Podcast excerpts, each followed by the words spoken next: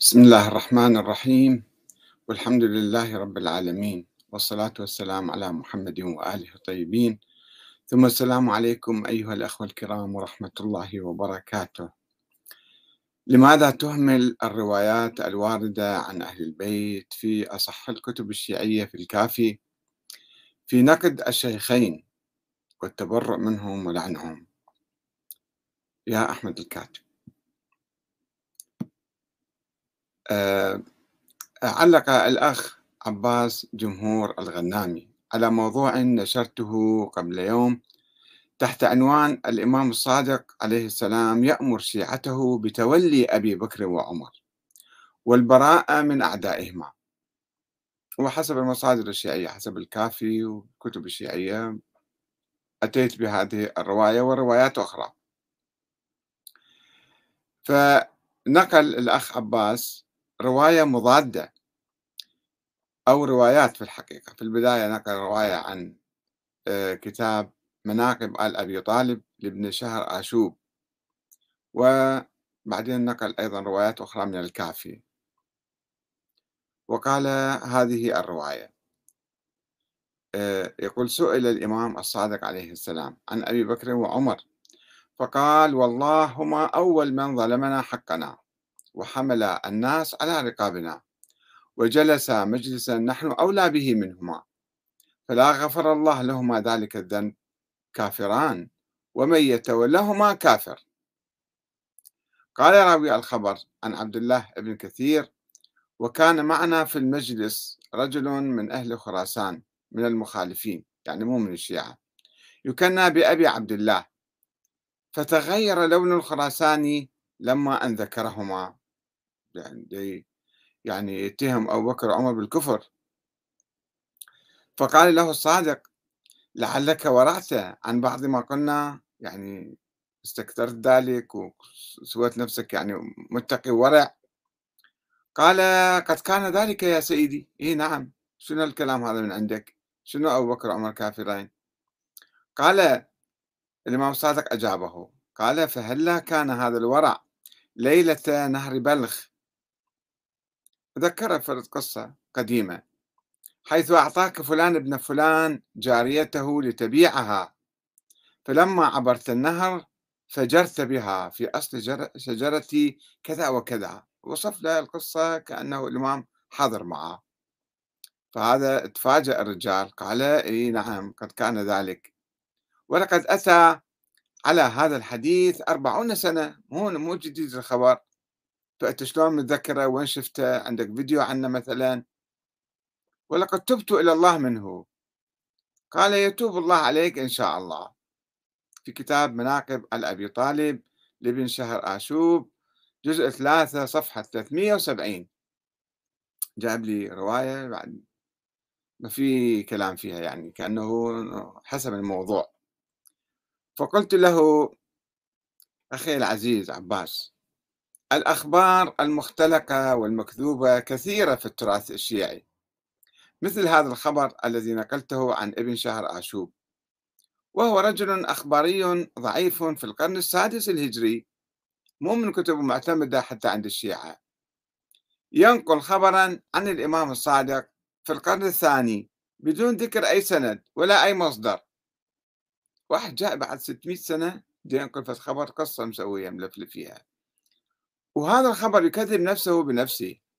ينطوي على علم الإمام الصادق بالغيب حيث يقول إن الصادق أخبره بحادثة زنا في بلد بعيد اللي هو بلخ يعني أفغانستان وهو في المدينة وقبل أربعين سنة مو جديد همات خبر. وهو كذب محض فكيف تصدقه وتنقله إلينا ولأي هدف؟ وقد قال الله تعالى في كتابه الكريم في آيات كثيرة أن النبي لا يعلم الغيب. في سورة الأنعام آية 50 قل لا أقول لكم عندي خزائن خزائن الله ولا أعلم الغيب ولا أقول لكم إني ملك. إن أتبع إلا ما يوحى إلي قل هل يستوي الأعمى والبصير أفلا تتفكرون؟ وعنده مفاتح الغيب لا يعلمها إلا هو ويعلم ما في البر والبحر. آيات كثيرة في القرآن في الحقيقة اللي تتحدث عن قل لا أملك لنفسي نفعا ولا ضرا إلا ما شاء الله. ولو كنت أعلم الغيب لاستكثرت من الخير وما مسني السوء إن أنا إلا نذير وبشير لقوم يؤمنون. ف يعني ولا أقول لكم عندي خزائن الله آية أخرى في سورة هود ولا أعلم الغيب ولا أقول إني ملك. يعني المهم يعني الشيء الواضح والصريح في القرآن المؤكد عليه في آيات عديدة أن النبي محمد صلى الله عليه وسلم لم يكن يعلم الغيب وحتى لم يكن يعلم المنافقين اللي موجودين في المدينة. الله يقول له هكذا. فيجي واحد ينقل لي رواية عن الإمام الصادق أنه آه، قبل أربعين سنة هذا الرجال كان مثلا زاني بجاري. شوف الخبر يعني مبين واحد كاذب يكذب على الإمام الصادق. الإمام الصادق ما عنده علم غيب ولا ولم يقل ذلك. ولكن هو هذا الراوي ينقل الرواية الإمام الصادق في آه، ضد الشيخين آه، يعني رواية مكذوبة. نعم. فقلت له أخي العزيز الأخبار المختلقة كما بينا لكم آه، وأضفت قائلا أرجو أن تقرأ الخبر التالي الذي ينقله ابن شهر آشوب في نفس الصفحة. نفس الصفحة اللي أنت أنا راجعت المصدر وشفت هذا شنو يكتب شنو منطقة منطقة ابن شهر آشوب. شنو من من من عقلية كان عنده. آه، لكي تعرف مدى حشوية وأسطورية وخرافية ابن شهر آشوب. ينقل يقول داود الرقي ينقل عن داود الرقي بدون سند أيضا. داود الرقي من أصحاب الإمام الصادق من الكاظم. يقول بلغ السيد الحميري أنه ذكر أنه ذكر عند الصادق شاعر هذا السيد الحميري معروف في القرن الأول الهجري أيام الحركة الكيسانية. فقال السيد فقال الإمام الصادق السيد كافر. فلما سمع هذا الشاعر اجى الإمام الصادق وسأل يا سيدي أنا كافر. مع شدة حبي لكم ومعاداتي الناس فيكم قال وما ينفعك ذلك وأنت كافر بحجة الدهر والزمان. تحب أهل البيت عموما؟ صحيح ولكن أنت ما تعرف إمام الزمان وكافر بحجة الدهر. فشنو سوى الآن حتى يعرف أن الإمام الصادق هو إمام من الله تعالى؟ لأن هذا كان كيساني. كان يؤمن بإمامة محمد بن الحنفية وابنه بعد ذلك. وما كان النظرية الإمامية ما كانت معروفة. فلما خرجت وتبلورت وطلعت في القرن الثاني فجابوا هالقصة هذه أنه هذا شلون هسه الإمام الصادق يثبت له أن حجة الدهر والزمان؟ فأخذ بيده وأدخله بيتا في غرفة يعني. فإذا بالبيت قبر فصلى ركعتين ثم ضرب بيده على القبر فصار القبر قطعا. فخرج شخص من قبره. ينفض التراب عن رأسه ولحيته فقال له الصادق من أنت؟ قال أنا محمد بن علي المسمى بابن الحنفية فقال من أنا؟ فمن أنا؟ قال أنت جعفر بن محمد حجة الدهر والزمان فخرج السيد يقول هذا شاعر يعني السيد الحميري تجعفرت بسم الله في من تجعفر شوفوا هاي نوعية عقلية هذا ابن شهر عاشوب والخرافيين والغلاة اللي كانوا يحاولون إثبات وطبعا هو جاي من السادس ينقل روايات مال القرن الثاني والأول يمكن بدون سند وربما كانت حتى القصة هذه اللي ينقلها عن ذاك الشخص اللي يتطرف في الموقف السلبي من الشيخين أنه أنه كان من العقلية هذه. هم كانوا لغات لأنه حتى قبل الصادق مثلا إمام زين العابدين كما تعرفون قصة دائما أكررها إمام زين العابدين كيف تثبت عند هؤلاء الإمامية؟ أنه تحاجج الإمام زين العابدين مع محمد بن حنفية وذهب إلى آه، قصة طويلة لا أريد أن أذكرها الآن يعني بتفاصيلها. ذهب إلى الحجر الأسود وسلم عليه فلم يسلم على محمد بن حنفية وسلم على آه، زين العابدين. ثم جت للباكر ثم جت للصادق. وهذا الصادق الآن كيف يثبت إمامته للشاعر الحميري؟ أحيا أحيا آه، محمد بن حنفية من القبر بهالطريقة هذه الأسطورية يحاولون إثبات نظرية الإمامة وإثبات الموقف السلبي اللي يروى عن الأئمة كذبا وزورا ضد الشيخين. أي نقلت أحاديث موجودة في التراث الشيعي؟ في الكافي وغيره موقف إيجابي من آه، الشيخين ومن الصحابة. ولكن هؤلاء الغلاة الخرافيون المتطرفون اللي لحد الآن أيضا موجودون مثل هذا صاحبنا الأخ عباس الغنامي الذي يصدق بهذه الروايات ويجي ينقل لي أن روايات مضادة ويقول لي أنت ليش تنقل بعض الروايات وتهمل بعض الروايات الأخرى؟ فقال عباس جمهور الغنامي وهل الحديث الذي أوردته أنت صحيح مثلا؟ في الحلقة السابقة يعني. عن آه، الإمام الصادق آه، أمر شيعته بتولي أبي بكر وعمر والبراءة من أعدائهما. يقول لي أنت هذا حديث هذا افترضنا حديث مو صحيح. وهل الحديث الذي أوردته أنت تخاطبني صحيح مثلا وهذا ضعيف. وقام يجيب لي أحاديث أخرى. وما رأيك بهذا الحديث الصحيح الذي رواه الكليني قدس الله نفسه بسنده عن سدير السيرفي عن أبي جعفر الباقر عليه السلام. قال إن الشيخين فارقا الدنيا ولم يتوبا ولم يتذكرا ما صنعا بأمير المؤمنين عليه السلام. فعليهما أنا أعتذر من الأخوة المستمعين يعني في لعن لعنة الله عليهم والملائكة والناس أجمعين. ولكن أنقل وناقل الكفر ليس بكافر معذرة. الكافي جزء 8 صفحة 246 بالحقيقة أيضا في أحاديث أخرى عن هذا سدير هذا من الغلاة المتطرفين آه، اللي كان بالكوفة وينقل أخبار عن الإمام باكر وعن الإمام الصادق وعن آه، وشفت بالكافي أيضا الكليني أيضا في جزء 8 صفحة 268 أيضا ينقل حديث آخر آه، عن حنان بن سدير عن أبيه. قال سألت أبا جعفر الباكر. فقال يا أبا الفضل عنهما سألته عنهما. فقال يا أبا الفضل ما تسألني عنهما؟ فوالله ما مات منا ميت قط إلا ساخطا عليهما. وما منا اليوم إلا ساخط عليهما. يوصي بذلك الكبير منا الصغير. إنهما ظلمانا حقنا ومنعانا فيئنا وكان أول من ركب أعناقنا وبثق علينا بثقا يعني ثلمة أو آه، في الإسلام لا يسكر أبدا حتى يقوم قائمنا أو يتكلم متكلمنا. ثم قال أما والله لو قد قام قائمنا وتكلم متكلمنا لأبدى من أمورهما ما كان يكتم ما كان يكتم. ولكتم من أمورهما ما كان يظهر. والله ما أسست أو أسست من بلية ولا قضية تجري علينا أهل البيت إلا هما أساسا أسس أولها فعليهما لعنة الله والملائكة والناس أجمعين.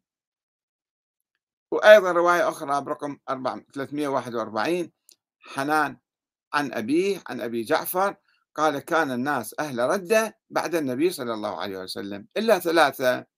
فقلت ومن الثلاثة؟ فقال المقداد بن الأسود وأبو ذر الغفاري وسلمان. رحمه رحمة الله وبركاته عليهم.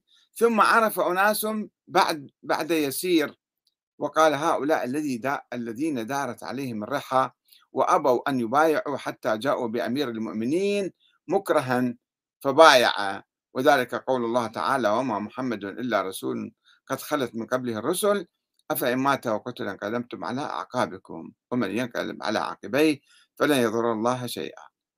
وسيجزي الشاكرين. بالحقيقة شوفوا هذه الروايات موجودة هي التي تقف خلفية الموقف السلبي السلبي عند بعض الشيعة بعض الغلاة أه وتدفع مثل باسم الكربلائي وغيره والشاعر اللي كتب القصيدة أن يقولوا خب الآن إحنا يعني صرنا مو في عصر تقية يعني إحنا محاكمين الآن فخلي ننشر الحقيقة وهاي هذا رأي أهل البيت. المشكلة هنا في هذا كتاب الكافي اللي هو يعتبر ذاك ابن شهر آشوب كتاب غير موثق ولكن الكتاب الكافي يعتبر من أصح الكتب الحديثية عند الشيعة. ولو هسه نجي نتحدث عنه نتحدث عنه وعن سدير وعن الروايات دي. فهذا الأخ شوفوا متمسك بهالروايات يقرأ الروايات وشوف شلون بعد. ليش أحمد كاتب تجي تقول الأئمة كانوا يأمرون بتولي أبي بكر وعمر ويمدحوهم ويدعوا لهم ويقولون يعني يطالبون بالبراءة من أعدائهم. فأنت بالعكس قاعد تتكلم هاي ثقافة وهاي ثقافة ليش تقبل هذه وليش ترفض هذه الروايات؟ فقلت له أخي العزيز عباس الغنامي أنت تعيش اليوم في أواسط القرن الخامس عشر الهجري وقد نقلت حديثا من كتاب مناقب آل أبي طالب لابن شهر آشوب الذي كان يعيش في القرن السادس الهجري أي أن بينك وبينه تسعة قرون. ولا تعرف أنت ولا أحد يعرف سند هذا الكتاب. أنه هذا الكتاب منين وصلنا؟ مو موثق أي أنه غير موثق مثل ما وثقت على الأقل الكتب الأربعة المعروفة بالحديث عند الشيعة. وهناك احتمال كبير بدس بعض المجهولين لما يريدون من أحاديث في ذلك الكتاب. بالإضافة إلى أن ابن شهر آشوب لا يذكر الأسناد أصلا وإنما يجمع الإشاعات والخرافات والأساطير في كتابه. هسه نجي هذا بدنا شهر آشوب ضعيف انتهينا. وأما ما نقلت عن الكافي للكليني فكذلك ليس كل ما في الكافي صحيح. وقد ضعف العلامة المجلسي اللي هو أخباري. أربعة أخماس هذا الكتاب.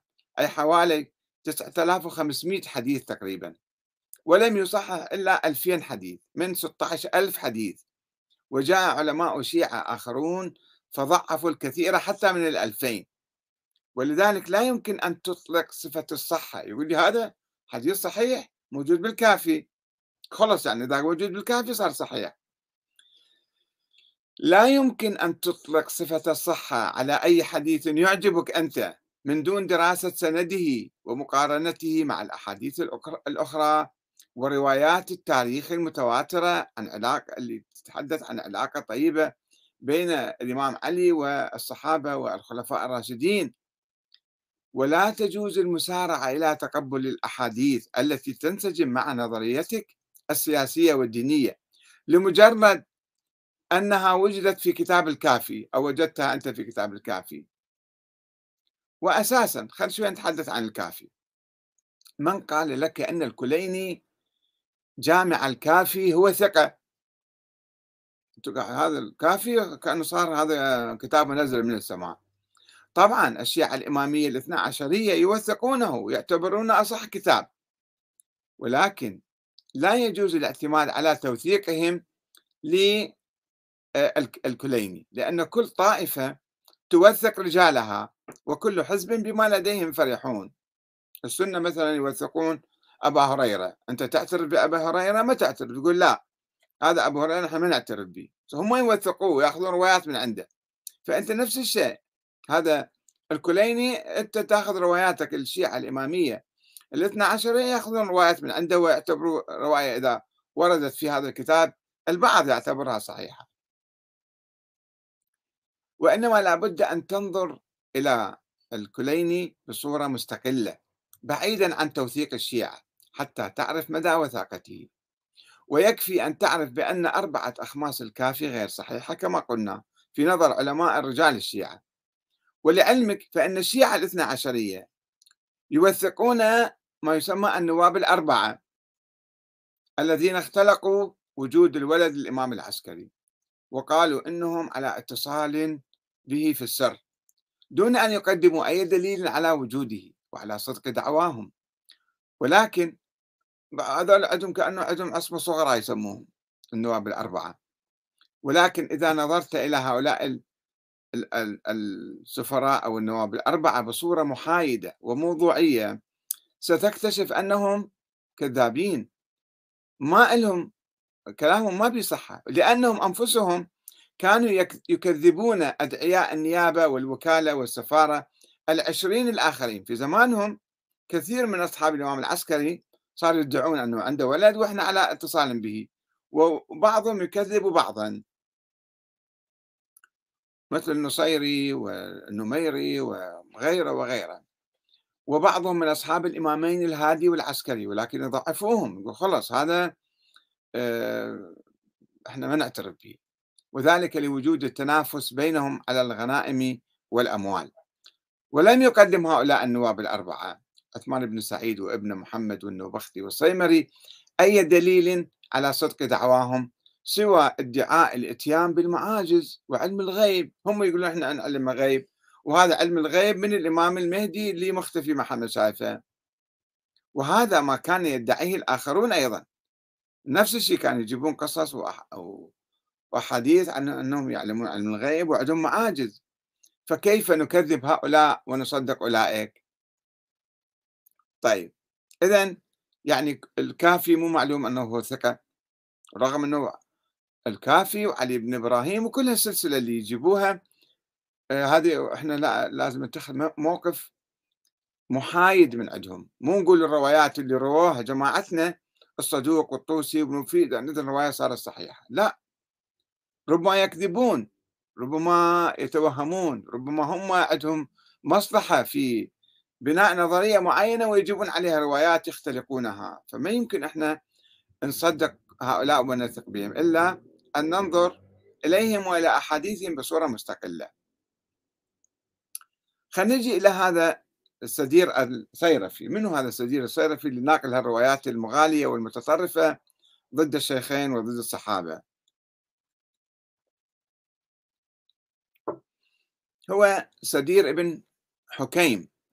ابن صهيب الصيرفي يقال أنه كان حيا حوالي 148 الهجرة يعني بعد الإمام صادق حتى كان حي. الإمام صادق توفى 145 ويقولون عنه في كتب الرجال هو من أصحاب السجاد والباقني والصادق. ثلاثة أئمة عاصر. طيب خلينا نشوف إيش وقت هو عاصر السجاد وكم كان عمره إلى أن توفى في منتصف القرن الثاني الهجري. آه رواية هو يرويها ابنه يرويها وسيد الخوئي يرويها أيضا وكل الكتب الرجالية تروي هاي الرواية عنه لما يريدون أنه شلون عنده من أصحاب السجاد يجيبون هاي الرواية. يقول كان في الحمام في المدينة في زمن الإمام زين العابدين. هو داخل بالحمام هو وابنه أراد ربي كما خلقني. فالإمام قال لهم أنتم من وين جايين؟ آه، سأقرأ لكم الرواية بالنص مالها آه، سيد الخوئي ينقل يقول ما رواه الصدوق بسنده الصحيح عن حنان بن سدير عن أبيه. قال قال دخلت أنا وأبي وجدي وعمي. بعد دول المجموعة كلهم داخلين بالحمام في المدينة. وإذا رجل في بيت المسلخ فقال لنا ممن القوم؟ أنتم منين؟ فقلنا من أهل العراق. فقال أي العراق؟ وين من العراق؟ فقلنا الكوفيون. فقال مرحبا بكم يا أهل الكوفة وأهلا أنتم الشعار دون الدثار ثم قال وما يمنعكم من الأزار ليش ملابسين وزار عليكم؟ ليش أراد ربك ما خلقتني؟ فإن رسول الله صلى الله عليه وآله قال عورة المؤمن على المؤمن حرام. فالإمام يعني نصحهم قال ليش أنتم جايين بالحمام؟ فلما خرجنا من الحمام سألنا عن الرجل في المسلخ من هو هذا الرجال اللي يشكل حكى معانا؟ فإذا هو علي بن الحسين ومعه ابنه محمد بن علي عليهم السلام. هذا في كتاب ما لا يحضره الفقيه الجزء واحد باب غسل يوم الجمعة ودخول الحمام وآدابه. الحديث 252 فشوفوا هذا يعني ثقافته أنه على أساس أنه هو وابنه شافوا الإمام زين العابدين. الإمام زين العابدين توفى سنة 95 يعني ابنه قد كان عمره اللي الإمام دين يقول له روح البس الباس أو البس وزرة مثلا. على الأقل خلينا نفترض عمره 20 سنة. طيب هو كم سنة عمره؟ عمره 40 سنة. في سنة هذه قبل سنة 95 ما ندري بالضبط شو وقت الآن الرواية ما تقول بالضبط. يعني افترضوا بالتسعين. هو عمره 40 سنة يعني مولود بالخمسين هذا. مولود بالخمسين سدير ومات في منتصف القرن الثاني يعني حوالي 100 سنة عمره. أه و المهم الأخوي يجي يبحث أنه هذا يقول أكو روايات آه، تمدحه وروايات الذمة تقدح فيه. والخوئي يجيب الروايات ويضعفها وكل يقول ما بيها دلالة لا الروايات المادحة مثل هاي الرواية أنه أنتم الدثار أنتم الشعار دون الدثار عن أهل الكوفة دي يتكلم ما بيها مدح إله ولا القادحة أيضا فيها كلام بس من كلامه من رواياته اللي دي يكفر كل الصحابة كل المسلمين. يعني النبي محمد صلى الله عليه وسلم 23 سنة شنو كان يسوي؟ ما رباله في الأربعة خمسة ناس مؤمنين حقا كلهم صاروا كفار ومنافقين. على هذا واحد مبين عليه واحد متطرف واحد مغالي. من الرافضة اللي يسموهم ذيك الأيام. وده يختلق روايات عن الباقر وعن الصادق أنه أنا كذا وقال لي كذا وقلت له كذا.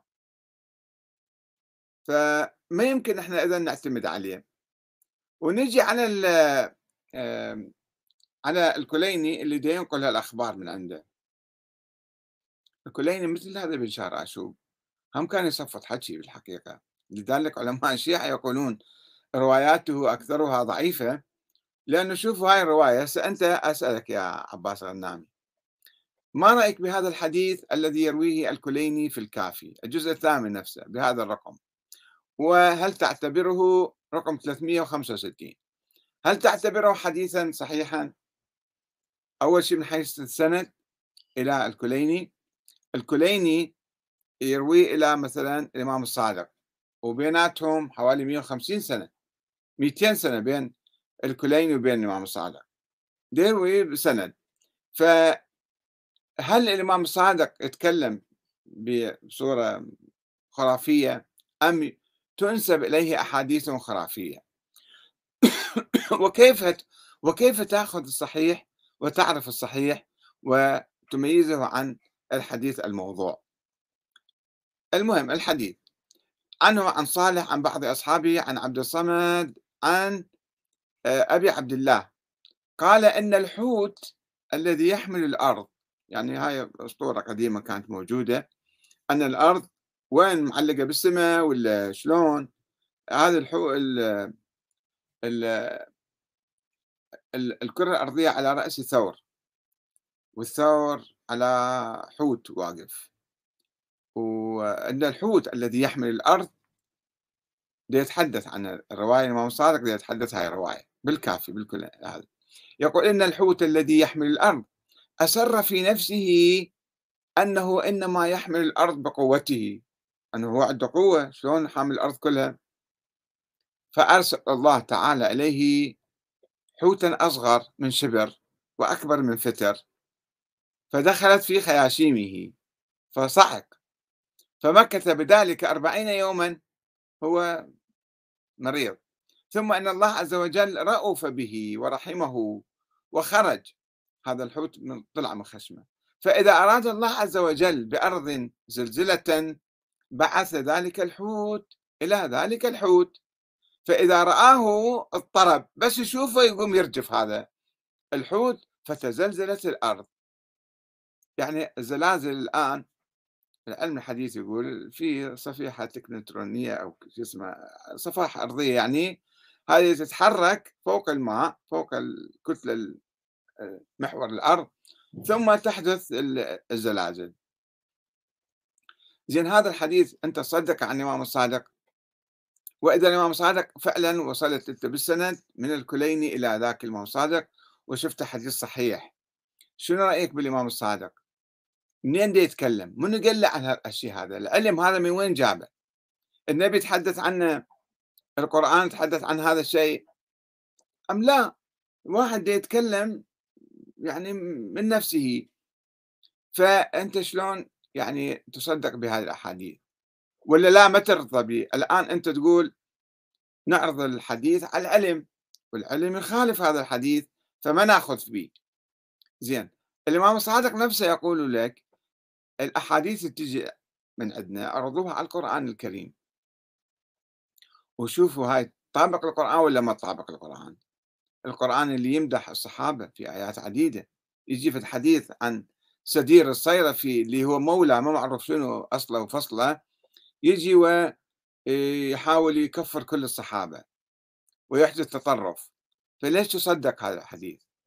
ثم إذا أنت تعرض الحديث على القرآن يجب أن تعرض الأحاديث على القرآن وتأخذ بالثابت المؤكد بالقرآن والأحاديث المتواترة الصحيحة وبعدين تجي تعرض على العلم إذا شفت حديث جاي وتعتبره صحيح 100% ولكن يخالف العلم يجب أن ترفض هذا الحديث. تعرف هذا اللي قاله إما جاهل وإما نسب إليه جهلا كذب. أو تش... يعني لازم تشكك بالحديث ما يمكن تقبل كل الأحاديث. فهاي الأحاديث أنا مو مزاجي آخذ الأحاديث اللي تعجبني آخذها والأحاديث ما تعجبني ما آخذها. لا يا أخي العزيز. إنما عندما أقرأ التاريخ وأقرأ نصوص أئمة أهل البيت من الإمام علي وبقية الأئمة وأقرأ مثلا شوف هو كل الأحاديث اللي ينقل السدير وغيره عن الإمام الباكر أنه الإمام كان النص كان الإمام علي والخلافة كانت لأهل البيت وأبو بكر وعمر أخذوا الخلافة غصبا. يعني الإمامة بالنص مو بالشورى. طيب هاي النظرية الإمامة بالنص مو بالشورى طلعت ذيك الأيام طلعت من الغلاة من هؤلاء اللي كانوا بالكوفة يسموهم الرافضة ونسبوها إلى أهل البيت. وطبعا بعنف شوف الرواية عنيفة جدا. آه، تحاول أن آه، تقرأ التاريخ بشكل آخر.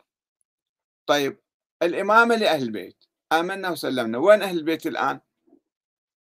يا أخ عباس الغنامي اسأل نفسك أنت الآن. هذا كلام كان يدور في القرن الثاني الهجري. افترض الأحاديث عن الباقر صحيح. افترض. افترض هالأحاديث اللي جت عن الباقر وصادق. ليش؟ لأنه هي آه، تقوم على نظرية الإمامة وافترض أيضا أيضا افترض الإمام الباقر والصادق هم كانوا آه، يقولون بنظرية الإمامة الإلهية وبالنص على الإمام علي. وبالتالي يقرؤون التاريخ عندهم موقف سلبي من الصحابة ومن أبي بكر وعمر. طيب ونظرية الإمامة هي النظرية الإسلامية الصحيحة. طيب وين هاي النظرية الآن؟ من 1200 سنة وين هاي النظرية؟ هل يمكن تطبيقها؟ هل يمكن العمل بها شلون نظرية تطلع بالقرن الثاني ونفترض هي من أول يوم موجودة؟ ثم تنقرض ثم تنتهي وتتلاشى وماكو أي وجود لأي إمام معصوم معين من قبل الله من هاي النظرية. أنت الآن عايش بالقرن الخامس عشر الهجري القرن الواحد والعشرين. وعندك يعني شوف ما عندنا أي شيء من من من هاي النظرية يمكن تطبيقه وإنما علينا وهكذا فعل الشيعة منذ خمسين عاما تقريبا بدأوا يميلون إلى نظرية الشورى. بدأوا يعملون بها فأقاموا هاي الأنظمة مالتهم على أساس الشورى والانتخابات. بالدستور هكذا يقول الدستور هسه يصير تلاعب بالدستور يصير ضعف بعض الفقرات بالدستور عدم تطبيق بصورة جيدة نعم أنا معك.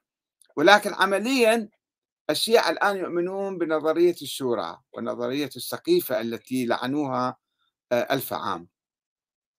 أسلافهم يعني الآن هم وأنت أيضا يجب أن تفكر كيف آه، تؤسس نظاما آه، ديمقراطيا قائما على الشورى نظاما عادلا يحل مشاكلنا ويوحد بين المسلمين. ماذا يفيد أن نجي نتوقف عند هاي الأحاديث اللي لو صحت حتى لو صحت من الإمام باقر والصادق ما فيها فائدة ما فيها ثمرة.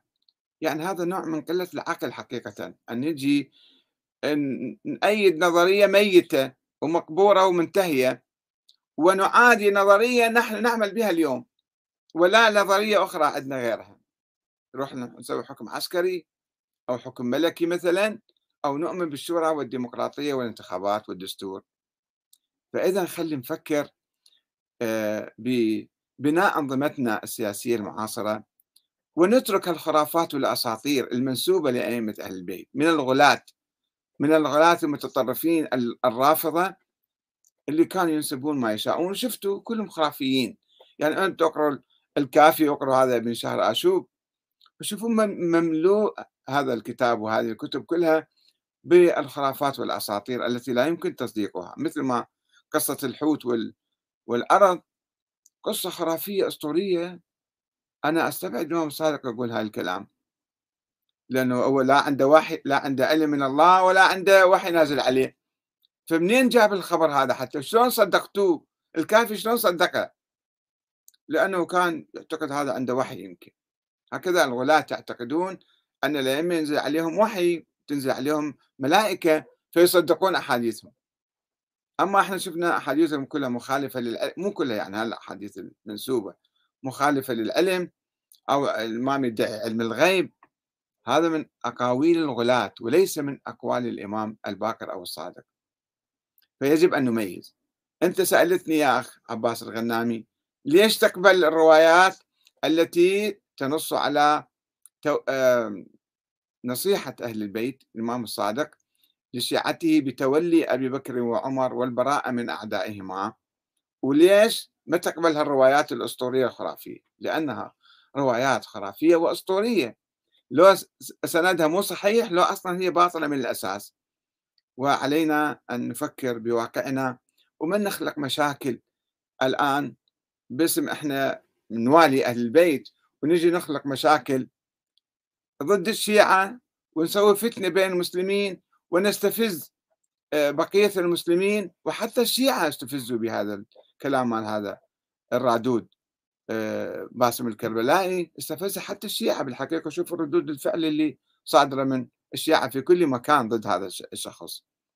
فعلينا أن لا نعيش بالماضي والنظريات الميتة المنقرضة. علينا أن نفكر بواقعنا ومستقبلنا ووحدتنا علينا أن نعمل من أجل توحيد المسلمين حول نظام سياسي ديمقراطي عادل. والسلام عليكم ورحمة الله وبركاته.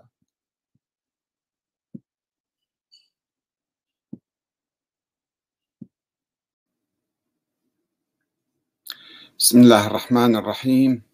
والحمد لله رب العالمين. والصلاة والسلام على محمد وآله الطيبين ثم السلام عليكم أيها الأخوة الكرام ورحمة الله وبركاته. لماذا تهمل الروايات الواردة عن أهل البيت في أصح الكتب الشيعية في الكافي؟ في نقد الشيخين والتبرؤ منهم ولعنهم. يا أحمد الكاتب. أه علق الأخ عباس جمهور الغنامي. على موضوع نشرته قبل يوم. تحت عنوان الإمام الصادق عليه السلام يأمر شيعته بتولي أبي بكر وعمر والبراءة من أعدائهما. وحسب المصادر الشيعية حسب الكافي والكتب الشيعية أتيت بهذه الرواية وروايات أخرى. فنقل الأخ عباس رواية مضادة أو روايات في الحقيقة. في البداية نقل رواية عن آه، كتاب مناقب آل أبي طالب لابن شهر آشوب. وبعدين نقل أيضا روايات أخرى من الكافي. وقال هذه الرواية. آه، يقول سئل الإمام الصادق عليه السلام عن أبي بكر وعمر. فقال والله هما أول من ظلمنا حقنا وحمل الناس على رقابنا. وجلس مجلسا نحن أولى به منهما. فلا غفر الله لهما ذلك الذنب. كافران. ومن يتولهما كافر. قال راوي الخبر عن عبد الله بن كثير وكان معنا في المجلس رجل من أهل خراسان من المخالفين يعني مو من الشيعة. يكنى بأبي عبد الله. فتغير لون الخراساني لما أن ذكرهما. يعني يعني يتهم أبو بكر وعمر بالكفر. فقال له الصادق لعلك ورعت عن بعض ما قلنا يعني استكثرت ذلك وسويت نفسك يعني متقي ورع. قال قد كان ذلك يا سيدي. اي نعم. شنو الكلام هذا من عندك؟ شنو أبو بكر وعمر كافرين؟ قال الإمام الصادق أجابه. قال فهلا كان هذا الورع ليلة نهر بلخ. ذكر فرد قصه قديمة حيث أعطاك فلان ابن فلان جاريته لتبيعها فلما عبرت النهر فجرت بها في أصل شجرة كذا وكذا وصف له القصة كأنه الإمام حاضر معه. فهذا تفاجأ الرجال قال إي نعم قد كان ذلك. ولقد أتى على هذا الحديث أربعون سنة مو مو جديد الخبر فأنت شلون متذكره؟ وين شفته؟ عندك فيديو عنه مثلا؟ ولقد تبت إلى الله منه. قال يتوب الله عليك إن شاء الله. في كتاب مناقب الأبي طالب لابن شهر آشوب جزء ثلاثة صفحة 370 جاب لي رواية بعد ما في كلام فيها يعني كأنه حسب الموضوع. فقلت له أخي العزيز عباس الأخبار المختلقة والمكذوبة كثيرة في التراث الشيعي. مثل هذا الخبر الذي نقلته عن ابن شهر آشوب. وهو رجل أخباري ضعيف في القرن السادس الهجري مو من كتب معتمدة حتى عند الشيعة. ينقل خبرا عن الإمام الصادق في القرن الثاني بدون ذكر أي سند ولا أي مصدر. واحد جاء بعد 600 سنة ينقل في خبر قصة مسوية ملفلف فيها. وهذا الخبر يكذب نفسه بنفسه. ينطوي على علم الإمام الصادق بالغيب حيث يقول إن الصادق أخبره بحادثة زنا في بلد بعيد اللي هو بلخ يعني أفغانستان وهو في المدينة وقبل أربعين سنة مو جديد همات خبر. وهو كذب محض. فكيف تصدقه وتنقله إلينا ولأي هدف؟ وقد قال الله تعالى في كتابه الكريم في آيات كثيرة أن النبي لا يعلم الغيب. في سورة الأنعام آية 50 قل لا أقول لكم عندي خزائن خزائن الله ولا أعلم الغيب ولا أقول لكم إني ملك. إن أتبع إلا ما يوحى إلي قل هل يستوي الأعمى والبصير أفلا تتفكرون؟ وعنده مفاتح الغيب لا يعلمها إلا هو ويعلم ما في البر والبحر. آيات كثيرة في القرآن في الحقيقة اللي تتحدث عن قل لا أملك لنفسي نفعا ولا ضرا إلا ما شاء الله. ولو كنت أعلم الغيب لاستكثرت من الخير وما مسني السوء إن أنا إلا نذير وبشير لقوم يؤمنون. ف يعني ولا أقول لكم عندي خزائن الله آية أخرى في سورة هود ولا أعلم الغيب ولا أقول إني ملك. يعني المهم يعني الشيء الواضح والصريح في القرآن المؤكد عليه في آيات عديدة أن النبي محمد صلى الله عليه وسلم لم يكن يعلم الغيب وحتى لم يكن يعلم المنافقين اللي موجودين في المدينة. الله يقول له هكذا. فيجي واحد ينقل لي رواية عن الإمام الصادق أنه آه، قبل أربعين سنة هذا الرجال كان مثلا زاني بجاري. فشوف الخبر يعني مبين واحد كاذب يكذب على الإمام الصادق. الإمام الصادق ما عنده علم غيب ولا ولم يقل ذلك. ولكن هو هذا الراوي ينقل الرواية الإمام الصادق في آه، ضد الشيخين آه، يعني رواية مكذوبة. نعم. فقلت له أخي العزيز الأخبار المختلقة كما بينا لكم آه، وأضفت قائلا أرجو أن تقرأ الخبر التالي الذي ينقله ابن شهر آشوب في نفس الصفحة. نفس الصفحة اللي أنت مناقل أنا راجعت المصدر وشفت هذا شنو يكتب شنو منطقة منطقة ابن شهر آشوب. شنو من من من عقلية كان عنده. آه، لكي تعرف مدى حشوية وأسطورية وخرافية ابن شهر آشوب. ينقل يقول داود الرقي ينقل عن داود الرقي بدون سند أيضا. داود الرقي من أصحاب الإمام الصادق من الكاظم. يقول بلغ السيد الحميري أنه ذكر أنه ذكر عند الصادق شاعر هذا السيد الحميري معروف في القرن الأول الهجري أيام الحركة الكيسانية. فقال السيد فقال الإمام الصادق السيد كافر. فلما سمع هذا الشاعر اجى الإمام الصادق وسأل يا سيدي أنا كافر. مع شدة حبي لكم ومعاداتي الناس فيكم قال وما ينفعك ذلك وأنت كافر بحجة الدهر والزمان. تحب أهل البيت عموما؟ صحيح ولكن أنت ما تعرف إمام الزمان وكافر بحجة الدهر. فشنو سوى الآن حتى يعرف أن الإمام الصادق هو إمام من الله تعالى؟ لأن هذا كان كيساني. كان يؤمن بإمامة محمد بن الحنفية وابنه بعد ذلك. وما كان النظرية الإمامية ما كانت معروفة. فلما خرجت وتبلورت وطلعت في القرن الثاني فجابوا هالقصة هذه أنه هذا شلون هسه الإمام الصادق يثبت له أن حجة الدهر والزمان؟ فأخذ بيده وأدخله بيتا في غرفة يعني. فإذا بالبيت قبر فصلى ركعتين ثم ضرب بيده على القبر فصار القبر قطعا. فخرج شخص من قبره. ينفض التراب عن رأسه ولحيته فقال له الصادق من أنت؟ قال أنا محمد بن علي المسمى بابن الحنفية فقال من أنا؟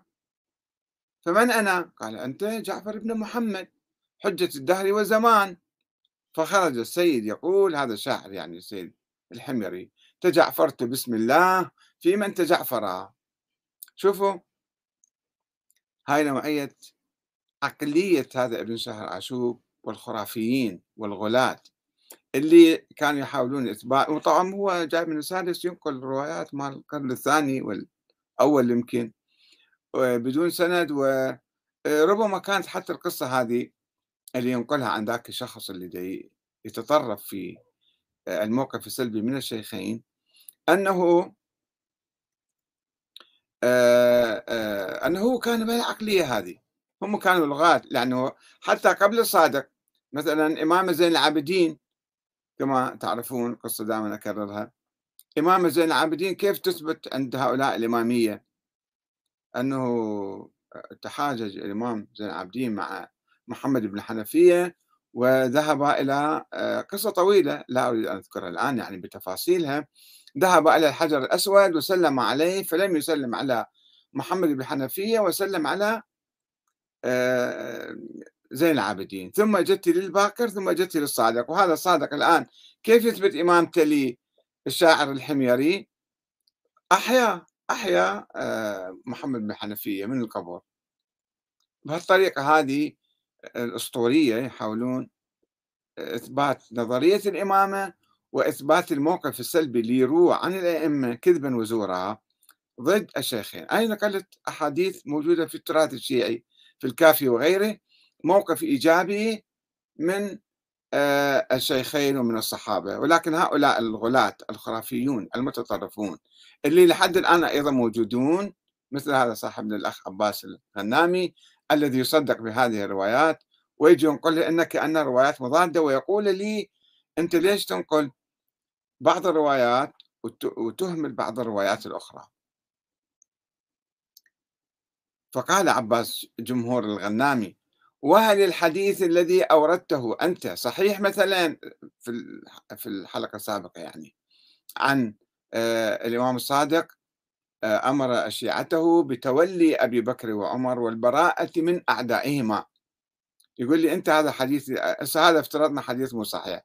وهل الحديث الذي أوردته أنت تخاطبني صحيح مثلا وهذا ضعيف. وقام يجيب لي أحاديث أخرى. وما رأيك بهذا الحديث الصحيح الذي رواه الكليني قدس الله نفسه بسنده عن سدير السيرفي عن أبي جعفر الباقر عليه السلام.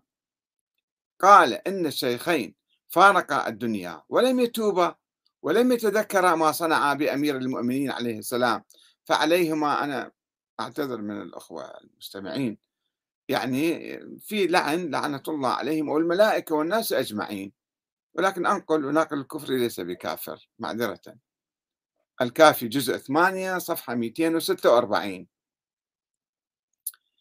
بالحقيقة أيضا في أحاديث أخرى عن هذا سدير هذا من الغلاة المتطرفين آه، اللي كان بالكوفة وينقل أخبار عن الإمام باكر وعن الإمام الصادق وعن آه، وشفت بالكافي أيضا الكليني أيضا في جزء 8 صفحة 268 أيضا ينقل حديث آخر آه، عن حنان بن سدير عن أبيه.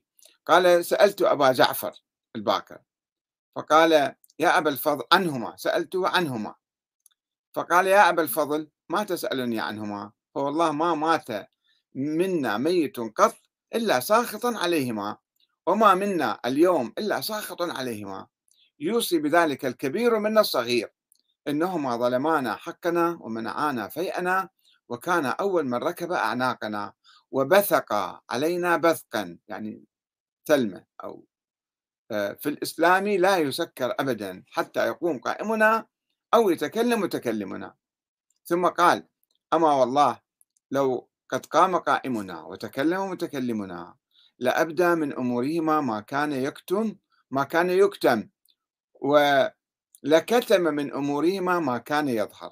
والله ما أسست أو أسست من بلية ولا قضية تجري علينا أهل البيت إلا هما أساسا أسس أولها فعليهما لعنة الله والملائكة والناس أجمعين. وأيضا رواية أخرى برقم 341 حنان عن أبيه عن أبي جعفر قال كان الناس أهل ردة بعد النبي صلى الله عليه وسلم إلا ثلاثة. فقلت ومن الثلاثة؟ فقال المقداد بن الأسود وأبو ذر الغفاري وسلمان. رحمه رحمة الله وبركاته عليهم. ثم عرف أناس بعد بعد يسير وقال هؤلاء الذي دا الذين دارت عليهم الرحى وأبوا أن يبايعوا حتى جاءوا بأمير المؤمنين مكرها فبايع. وذلك قول الله تعالى وما محمد إلا رسول قد خلت من قبله الرسل أفإن مات وقتل انقلبتم على أعقابكم ومن ينقلب على عقبيه فلن يضر الله شيئا. وسيجزي الشاكرين. بالحقيقة شوفوا هذه الروايات موجودة هي التي تقف خلفية الموقف السلبي السلبي عند بعض الشيعة بعض الغلاة أه وتدفع مثل باسم الكربلائي وغيره والشاعر اللي كتب القصيدة أن يقولوا خب الآن إحنا يعني صرنا مو في عصر تقية يعني إحنا محاكمين الآن فخلي ننشر الحقيقة وهاي هذا رأي أهل البيت. المشكلة هنا في هذا كتاب الكافي اللي هو يعتبر ذاك ابن شهر آشوب كتاب غير موثق ولكن الكتاب الكافي يعتبر من أصح الكتب الحديثية عند الشيعة. ولو بس نجي نتحدث عنه نتحدث عنه وعن سدير وعن الروايات فهذا الأخ شوفوا متمسك بهالروايات يقرأ الروايات وشوف شلون بعد. ليش أحمد كاتب تجي تقول الأئمة كانوا يأمرون بتولي أبي بكر وعمر ويمدحوهم ويدعوا لهم ويقولون يعني يطالبون بالبراءة من أعدائهم. فأنت بالعكس قاعد تتكلم هاي ثقافة وهاي ثقافة ليش تقبل هذه وليش ترفض هذه الروايات؟ فقلت له أخي العزيز عباس الغنامي أنت تعيش اليوم في أواسط القرن الخامس عشر الهجري وقد نقلت حديثا من كتاب مناقب آل أبي طالب لابن شهر آشوب الذي كان يعيش في القرن السادس الهجري أي أن بينك وبينه تسعة قرون. ولا تعرف أنت ولا أحد يعرف سند هذا الكتاب. أنه هذا الكتاب منين وصلنا؟ مو موثق أي أنه غير موثق. مثل ما وثقت على الأقل الكتب الأربعة المعروفة بالحديث عند الشيعة. وهناك احتمال كبير بدس بعض المجهولين لما يريدون من أحاديث في ذلك الكتاب. بالإضافة إلى أن ابن شهر آشوب لا يذكر الأسناد أصلا وإنما يجمع الإشاعات والخرافات والأساطير في كتابه. هسه نجي هذا بدنا شهر آشوب ضعيف انتهينا. وأما ما نقلت عن الكافي للكليني فكذلك ليس كل ما في الكافي صحيح. وقد ضعف العلامة المجلسي اللي هو أخباري. أربعة أخماس هذا الكتاب. أي حوالي 9500 حديث تقريبا. ولم يصحح إلا 2000 حديث من 16 ألف حديث. وجاء علماء شيعة آخرون فضعفوا الكثير حتى من الألفين. ولذلك لا يمكن أن تطلق صفة الصحة. يقول لي هذا حديث صحيح موجود بالكافي. خلص يعني إذا موجود بالكافي صار صحيح. لا يمكن أن تطلق صفة الصحة على أي حديث يعجبك أنت من دون دراسة سنده ومقارنته مع الأحاديث الأخرى وروايات التاريخ المتواترة عن علاقة اللي تتحدث عن علاقة طيبة بين الإمام علي والصحابة والخلفاء الراشدين. ولا تجوز المسارعة إلى تقبل الأحاديث التي تنسجم مع نظريتك السياسية والدينية لمجرد أنها وجدت في كتاب الكافي أو وجدتها أنت في كتاب الكافي. وأساسا خل شوي نتحدث عن الكافي. من قال لك أن الكليني جامع الكافي هو ثقة هذا الكافي كأنه صار هذا كتاب منزل من السماء. طبعا الشيعة الإمامية الاثنى عشرية يوثقونه يعتبرونه أصح كتاب. ولكن لا يجوز الاعتماد على توثيقهم للكليني لأن كل طائفة توثق رجالها وكل حزب بما لديهم فرحون. السنة مثلا يوثقون أبا هريرة. أنت تعترف بأبا هريرة؟ ما تعترف. تقول لا. هذا أبو هريرة نحن ما نعترف به. هم يوثقوه؟ ويأخذون روايات من عنده. فأنت نفس الشيء. هذا الكليني أنت تأخذ رواياتك الشيعة الإمامية الاثنى عشر يأخذون روايات من عنده ويعتبروا رواية إذا وردت في هذا الكتاب. البعض يعتبرها صحيحة. وإنما لابد أن تنظر إلى الكليني بصورة مستقلة بعيدا عن توثيق الشيعة حتى تعرف مدى وثاقته. ويكفي أن تعرف بأن أربعة أخماس الكافي غير صحيحة كما قلنا في نظر علماء الرجال الشيعة. ولعلمك فإن الشيعة الاثنى عشرية يوثقون ما يسمى النواب الأربعة الذين اختلقوا وجود الولد للإمام العسكري وقالوا إنهم على اتصال به في السر دون أن يقدموا أي دليل على وجوده وعلى صدق دعواهم. ولكن هذول عندهم كأنه عندهم عصمة صغرى يسموهم النواب الأربعة. ولكن إذا نظرت إلى هؤلاء السفراء أو النواب الأربعة بصورة محايدة وموضوعية ستكتشف أنهم كذابين. ما لهم كلامهم ما بيصحة لأنهم أنفسهم كانوا يكذبون أدعياء النيابة والوكالة والسفارة العشرين الآخرين. في زمانهم كثير من أصحاب الإمام العسكري صاروا يدعون أنه عنده ولد وإحنا على اتصال به. وبعضهم يكذب بعضا. مثل النصيري والنميري وغيره وغيره. وبعضهم من أصحاب الإمامين الهادي والعسكري ولكن يضعفوهم. يقول خلص هذا آه، إحنا ما نعترف به. وذلك لوجود التنافس بينهم على الغنائم والأموال. ولم يقدم هؤلاء النواب الأربعة. عثمان بن سعيد وابن محمد والنوبختي والصيمري أي دليل على صدق دعواهم؟ سوى ادعاء الإتيان بالمعاجز وعلم الغيب. هم يقولون إحنا عن علم غيب وهذا علم الغيب من الإمام المهدي اللي مختفي محمد شايفه. وهذا ما كان يدعيه الآخرون أيضا. نفس الشيء كانوا يجيبون قصص واحاديث عن أنهم يعلمون علم الغيب وعندهم معاجز. فكيف نكذب هؤلاء ونصدق أولئك؟ طيب اذا يعني الكافي مو معلوم إنه هو ثقة رغم إنه الكافي وعلي بن إبراهيم وكل السلسله اللي يجيبوها آه، هذه إحنا لا لازم نتخذ موقف محايد من عندهم. مو نقول الروايات اللي رووها جماعتنا الصدوق والطوسي وابن مفيد عندنا الرواية صارت صحيحة. لا. ربما يكذبون ربما يتوهمون ربما هم عندهم مصلحة في بناء نظرية معينة ويجيبون عليها روايات يختلقونها. فما يمكن إحنا نصدق هؤلاء ونثق بهم إلا أن ننظر إليهم وإلى أحاديثهم بصورة مستقلة.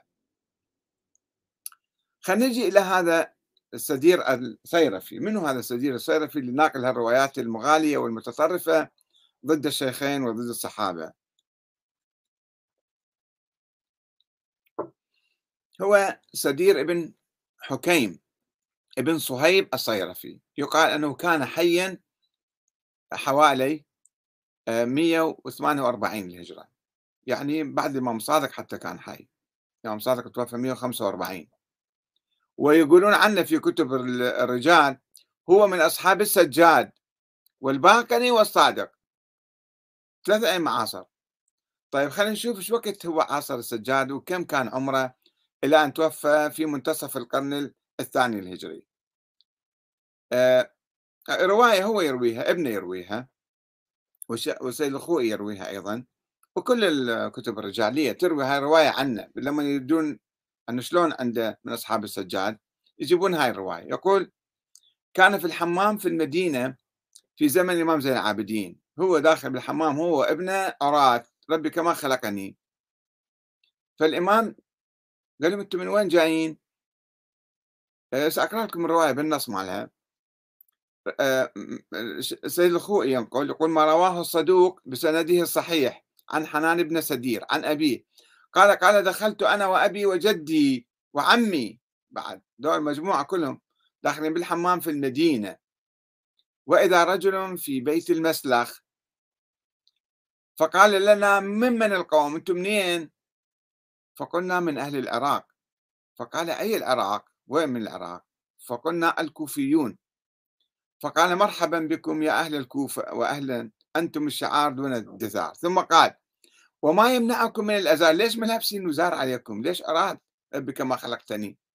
فإن رسول الله صلى الله عليه وآله قال عورة المؤمن على المؤمن حرام. فالإمام يعني نصحهم قال ليش أنتم جايين بالحمام؟ فلما خرجنا من الحمام سألنا عن الرجل في المسلخ من هو هذا الرجال اللي يشكل حكى معانا؟ فإذا هو علي بن الحسين ومعه ابنه محمد بن علي عليهم السلام. هذا في كتاب ما لا يحضره الفقيه الجزء واحد باب غسل يوم الجمعة ودخول الحمام وآدابه. الحديث 252 فشوفوا هذا يعني ثقافته أنه على أساس أنه هو وابنه شافوا الإمام زين العابدين. الإمام زين العابدين توفى سنة 95 يعني ابنه قد كان عمره اللي الإمام دين يقول له روح البس الباس أو البس وزرة مثلا. على الأقل خلينا نفترض عمره 20 سنة. طيب هو كم سنة عمره؟ عمره 40 سنة. في سنة هذه قبل سنة 95 ما ندري بالضبط شو وقت الآن الرواية ما تقول بالضبط. يعني افترضوا بالتسعين. هو عمره 40 سنة يعني مولود بالخمسين هذا. مولود بالخمسين سدير ومات في منتصف القرن الثاني الهجري يعني حوالي 100 سنة عمره. أه والمهم الأخوي يجي يبحث أنه هذا يقول أكو روايات أه تمدحه وروايات الذمة تقدح فيه.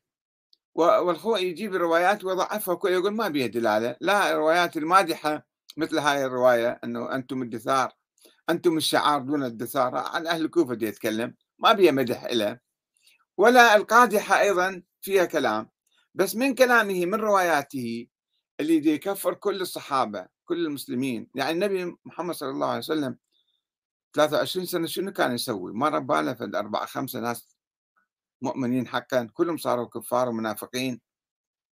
على هذا واحد مبين عليه واحد متطرف واحد مغالي. من الرافضة اللي يسموهم ذيك الأيام. وده يختلق روايات عن الباقر وعن الصادق أنه أنا كذا وقال لي كذا وقلت له كذا. فما يمكن إحنا اذا نعتمد عليه. ونجي على على الكليني اللي دا ينقل الأخبار من عنده.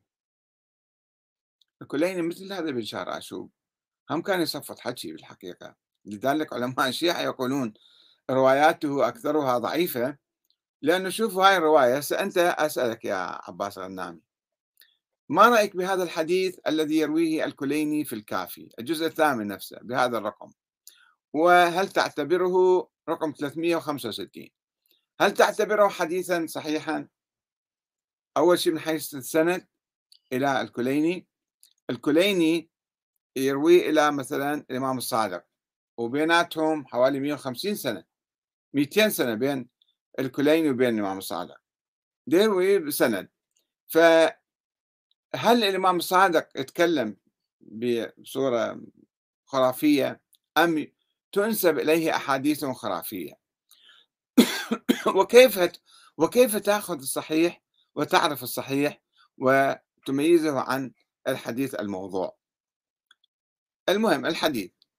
عنه عن صالح عن بعض أصحابه عن عبد الصمد عن آه، أبي عبد الله. قال إن الحوت الذي يحمل الأرض يعني هاي أسطورة قديمة كانت موجودة أن الأرض وين معلقة بالسماء ولا شلون؟ هذا الحو ال ال الكرة الأرضية على رأس ثور والثور على حوت واقف. وأن الحوت الذي يحمل الأرض يتحدث عن الرواية الإمام الصادق يتحدث هاي الرواية بالكافي بالكل هذا. يقول إن الحوت الذي يحمل الأرض أسر في نفسه أنه إنما يحمل الأرض بقوته أنه هو عنده قوة شلون حامل الأرض كلها؟ فأرسل الله تعالى إليه حوتا أصغر من شبر وأكبر من فتر فدخلت في خياشيمه فصعق فمكث بذلك أربعين يوما هو مريض. ثم أن الله عز وجل رأف به ورحمه وخرج. هذا الحوت من طلع من خشمه. فإذا أراد الله عز وجل بأرض زلزلة بعث ذلك الحوت إلى ذلك الحوت. فإذا رآه اضطرب. بس يشوفه يقوم يرجف هذا الحوت فتزلزلت الأرض. يعني الزلازل الآن العلم الحديث يقول في صفيحة تكنترونية أو شو اسمه صفائح أرضية يعني هذه تتحرك فوق الماء فوق الكتلة محور الأرض ثم تحدث الزلازل. زين هذا الحديث أنت تصدق عن الإمام الصادق؟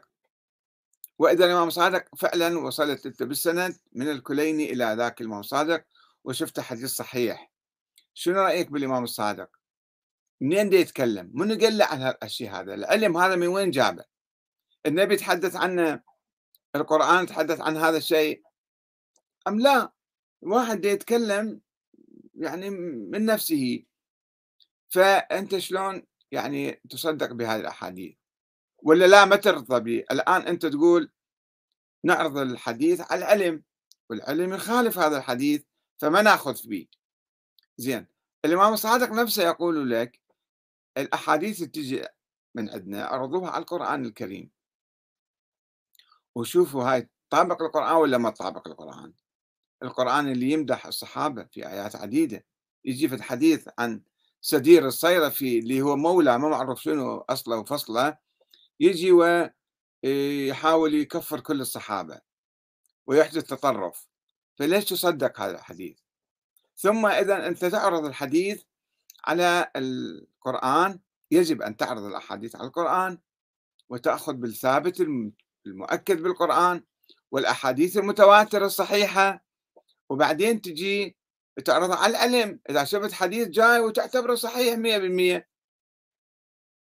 ولكن يخالف العلم يجب أن ترفض هذا الحديث. تعرف هذا اللي قاله إما جاهل وإما نسب إليه جهلا كذب.